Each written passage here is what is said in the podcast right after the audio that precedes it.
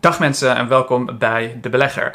Laten we het hebben vandaag over een beurscrash. Want een beurscrash die gebeurt niet zomaar, er is altijd een reden. En vandaag gaan we het hebben over waarom ik denk dat die beurs daadwerkelijk zou kunnen gaan crashen. Dus let's go.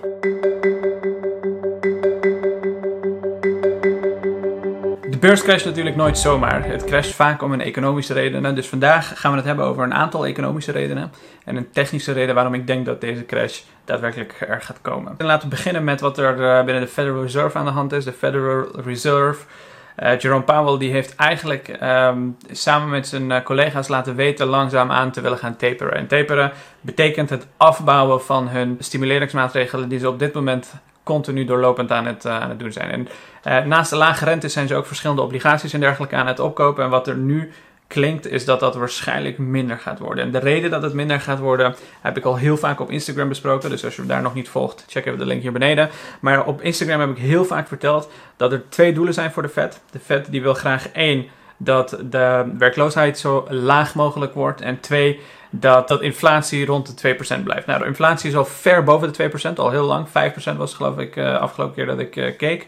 En um, de banencijfers die doen het ook ontzettend goed. En uh, de Fed heeft heel lang gezegd, de, dit gaat waarschijnlijk heel lang duren, tot en met 2023. Maar nu laten ze zien dat er binnen de Fed heel veel mensen zijn die zeggen... wij willen graag dat die rente waarschijnlijk ietsjes omhoog gaat. Waarschijnlijk ook eh, stoppen met het blijven opkopen van obligaties. Dus dat is wat er gebeurt. Dus dat is het nieuws waarop er gereageerd wordt. Als je niet bekend bent met de effecten van de schuldenopkoopprogramma, uh, vooral in de vorm van obligaties, dan zie je het hier voor je. Je ziet hier twee lijnen. De, rode is de S&P 500 en de blauwe is de total assets die op de balance sheet van de Federal Reserve staan. Dus uh, totaal aantal aan assets die ze, die ze opkopen. En wat je eigenlijk ziet is tussen 2013 en uh, 16 ongeveer, zie je dat die lijnen helemaal gelijk lopen. Dat is uh, een tijd geweest waar het economisch redelijk slecht ging.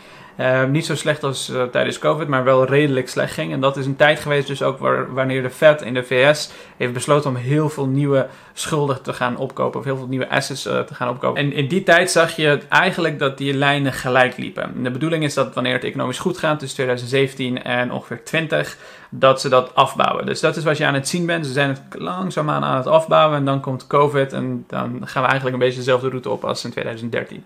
En wat er nu gaat gebeuren is dat hier een afname in gaat plaatsvinden. Dus als we het hebben over taperen, als we het hebben over stimuleringsmaatregelen verminderen, dan heeft dat altijd direct een effect voor een jaar, misschien wel twee jaar op de markt. Um, dus dat is een blijvende uh, midden- of uh, korte termijn effect zou je kunnen zeggen. Leg eraan hoe lang je horizon is. Voor mij is één of twee jaar best wel korte termijn.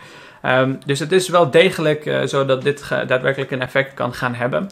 Want de S&P volgt vaak wat de, wat de Federal Reserve koopt. Dus mochten ze dat gaan, daadwerkelijk gaan afbouwen, dan is de kans groot dat er een korte crash zou kunnen komen. Dus dat is één economische reden. De tweede economische reden is het feit dat de waarderingen binnen de beurs echt belachelijk hoog zijn. Ieder aandeel die ik in mijn portefeuille heb, daar trek ik uh, drie of vier keer mijn twijfels of ik het wel bijkoop. Omdat de waarderingen wel echt, echt heel hoog zijn.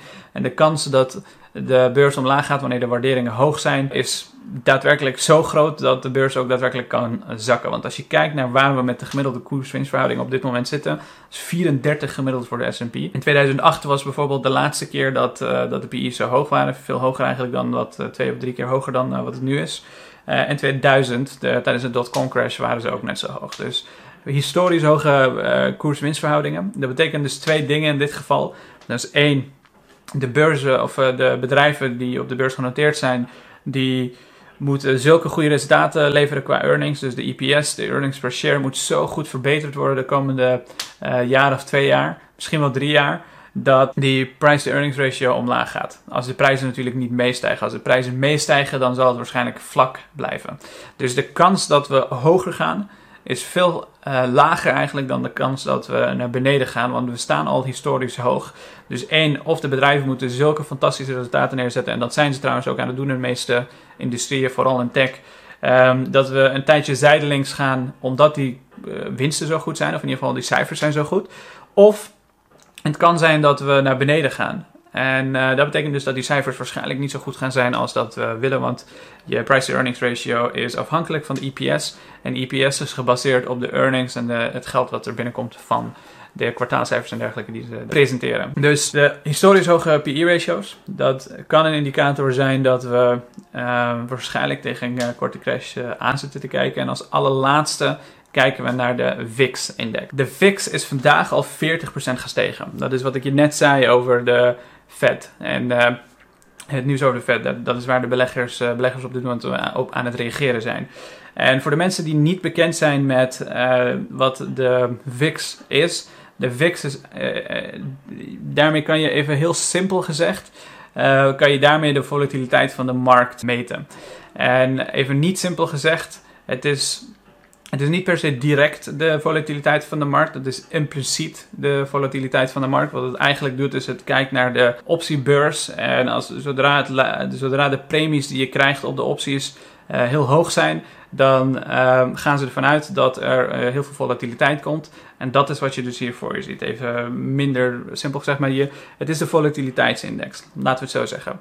En het zorgt ervoor dat je kunt meten hoe volatiel of hoeveel Um, hoe mensen gaan reageren op de laatste nieuws, uh, als het ware zou je kunnen zeggen. Nogmaals, heel simpel gezegd, dus iets ingewikkelder dan dat. Als je dat dus vergelijkt met de S&P 500, eigenlijk iedere keer dat je de VIX omhoog ziet gaan, zie je de S&P 500 ook iedere keer dalen. En dat betekent, dat kan ook een hele goede indicatie zijn van een korte crash die er aan zou kunnen komen. Je ziet iedere keer als de uh, volatility spiked naar boven, is de S&P gewoon simpelweg aan het dalen. Dit is een hele goede indicator. Het enige nadeel is dat het altijd precies op hetzelfde moment, gebeurt als een daling. Dus de kans dat je, dat je hier echt heel goed gebruik van kan maken is klein.